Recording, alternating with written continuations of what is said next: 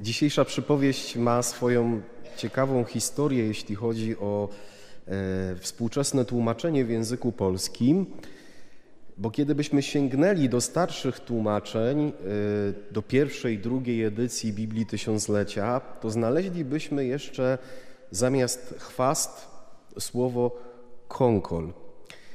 I bibliści opowiadają, że kiedy zespół naukowy pod przewodnictwem benedyktynów tynieckich, tak jak w poprzednich edycjach, chciał opublikować trzecią edycję Biblii Tysiąclecia, to na nieszczęście ówczesny minister do spraw wyznań, przez którego urząd musiała przejść e, cała ta procedura zatwierdzenia, czasy komunistyczne, cenzura i te sprawy, ten minister do spraw wyznań nazywał się Kazimierz Konkol.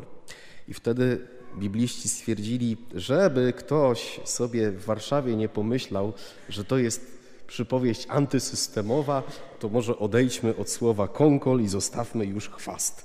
I w ten sposób od trzeciej edycji Biblii Tysiąclecia aż do dzisiaj, także mamy tutaj w lekcjonarzu piątą edycję w tej chwili, e, jest już słowo chwast, ale kiedy popatrzymy do źródło słowu, to tak naprawdę chodzi o życicę, czyli pewnego rodzaju chwast, który e, był bardzo agresywny i co jest ciekawe, że do momentu, zanim pojawiały się kłosy na pszenicy, nie można było odróżnić pszenicy właśnie od tej życicy. Pobożni Żydzi mieli swoją teorię na to, ponieważ twierdzili, że grzech pierworodny dotknął nie tylko ludzi, ale też zwierzęta, które zaczęły być wobec siebie agresywne, przejawiać różnego rodzaju dziwne zachowania i dotknął też rośliny. Więc y, według y, pobożnych Izraelitów to jest taka zdegenerowana pszenica, można by było powiedzieć językiem e, współczesnym taki mutant. E, właśnie ten chwast, o którym e, mówi dzisiaj Pan Jezus w tej przypowieści. Królestwo niebieskie podobne jest właśnie do tej sytuacji, kiedy człowiek sieje dobre nasienie na swojej roli, ale też właśnie na tym polu oprócz pszenicy pojawia się chwast. I to zaczyna być problemem. Zobaczcie, kochani, że słudzy, którzy widzą rosnący chwast, przychodzą do gospodarza i mówią: Panie, czy nie posiałeś dobrego nasienia na swej roli? Skąd więc wziął się na niej chwast? Czy w tym pytaniu sług nie kryje się też moje i Twoje pytanie, które zadajemy Panu Bogu w związku ze złem? Może być to pytanie takie ogólne, prawie że filozoficzne, na zasadzie: Panie Boże, jeżeli Ty stworzyłeś ten świat, potężne góry, głębokie oceany, przystojnych mężczyzn i przepiękne kobiety, to dlaczego niewinni cierpią? To dlaczego ludzie chorują, szczególnie chorują dzieci? Co tu jest nie tak, Panie Boże? No i jeszcze znamy to powiedzenie tu i ówdzie wracające: Panie Boże, starość Ci nie wyszła. Nieraz też jako ksiądz słyszę z ust ludzi właśnie tego typu stwierdzenie. Ale e, w tym pytaniu tych sług, Panie, czy nie posiałeś tutaj dobrego nazienia, co to znaczy, co to tutaj w ogóle jest, kryją się też nasze konkretne pytania. Panie Boże, dlaczego mnie to spotkało? Panie Boże, dlaczego tak, a nie inaczej się czuję? Dlaczego moje życie poukładało się w taki sposób? Czy nie mogło mnie ominąć to czy tamto? No Panie Boże, no, no o co chodzi w ogóle w tym wszystkim? I patrzcie, co nam pokazuje Jezus w tej przypowieści. Słudzy przychodzą pytać o chwast gospodarza, który na tym polu nie posiał tego chwastu, tylko ten gospodarz akurat posiał pszenicę, dobre ziarno. Co nam Jezus przez to chce powiedzieć? Pytamy o zło Boga, który z tym złem nie ma nic wspólnego, ponieważ Bóg ciągle nam błogosławi, ponieważ Bóg jest źródłem dobra, piękna, prawdy, ponieważ od Boga pochodzi to, co szlachetne w naszym życiu, a to, co złe, nie pochodzi od Niego. Skąd ono jest? Jezus bardzo ciekawie mówi, a gdy ludzie spali, przyszedł nieprzyjaciel, nasiał chwastu między pszenicę i odszedł. I uwaga, można by zastosować taki demagogiczny, populistyczny skrót na zasadzie: O tak, pytasz Pana Boga o zło, a to Ty, kiedy spałeś, tak naprawdę przyczyniłeś się do tego, że w Twoim życiu czy w życiu Twoich bliskich to zło się pojawiło. Nie stosujmy, kochani, takiego skrótu myślowego. Yy, ogólnie Adam i Ewa, jako pierwsi ludzie, byli ospali. Nie chodzi o to, że fizycznie spali, tylko ten sen jest też y, synonimem, jest metaforą pewnego stanu duchowego. Nie? Że Jezus nam pokazuje głęboko przez tą przypowieść, że zło na świecie pojawia się wtedy, gdy ludzie śpią.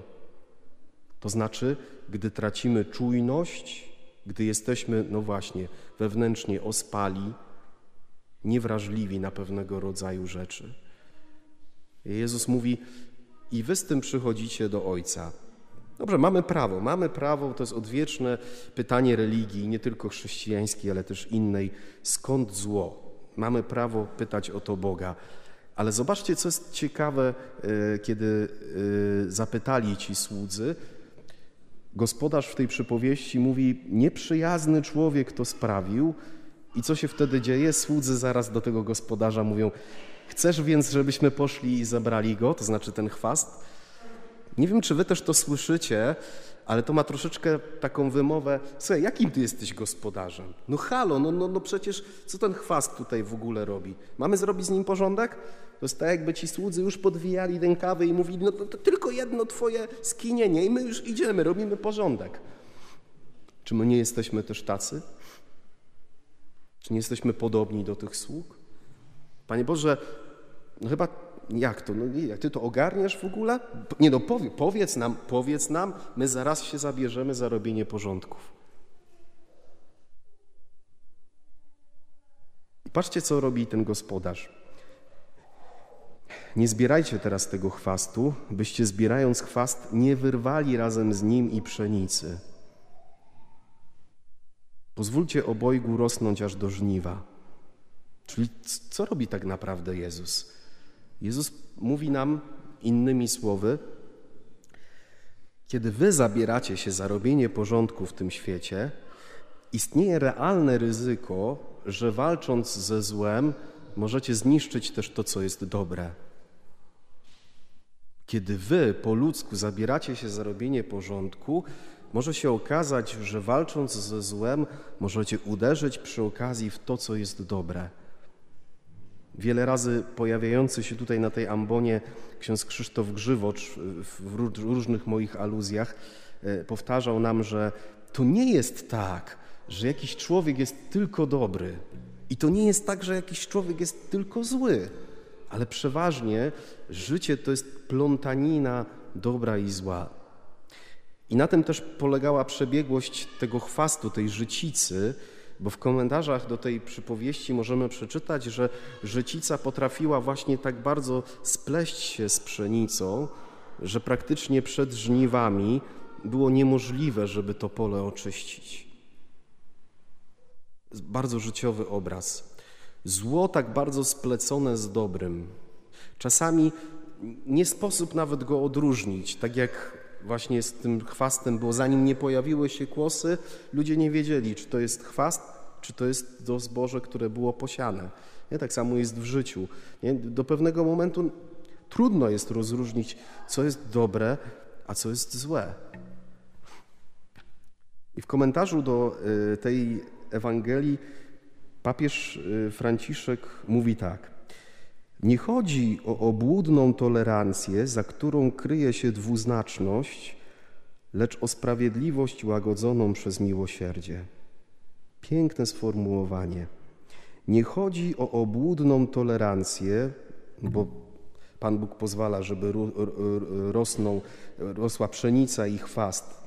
Nie chodzi o obłudną tolerancję, za którą kryje się dwuznaczność, lecz o sprawiedliwość łagodzoną przez miłosierdzie, i dalej papież mówi: Skoro Jezus przyszedł szukać grzeszników bardziej niż sprawiedliwych, zatroszczyć się najpierw o chorych, a nie o zdrowych, to również działanie nasze, Jego uczniów, winno być ukierunkowane nie na usuwanie ludzi złych, ale na ich zbawienie. Nasze działanie, podobnie do działania Pana Boga, powinno być ukierunkowane nie na usuwanie zła i ludzi, którzy w naszym mniemaniu są źli, ale na ich zbawienie, na przemienienie zła w dobro. Na tym polega cierpliwość. A święty Augustyn jest jeszcze bardziej radykalny, bo mówi, że tak naprawdę Pan Bóg czeka, aż, aż y, ten chwast przemieni się w pszenicę.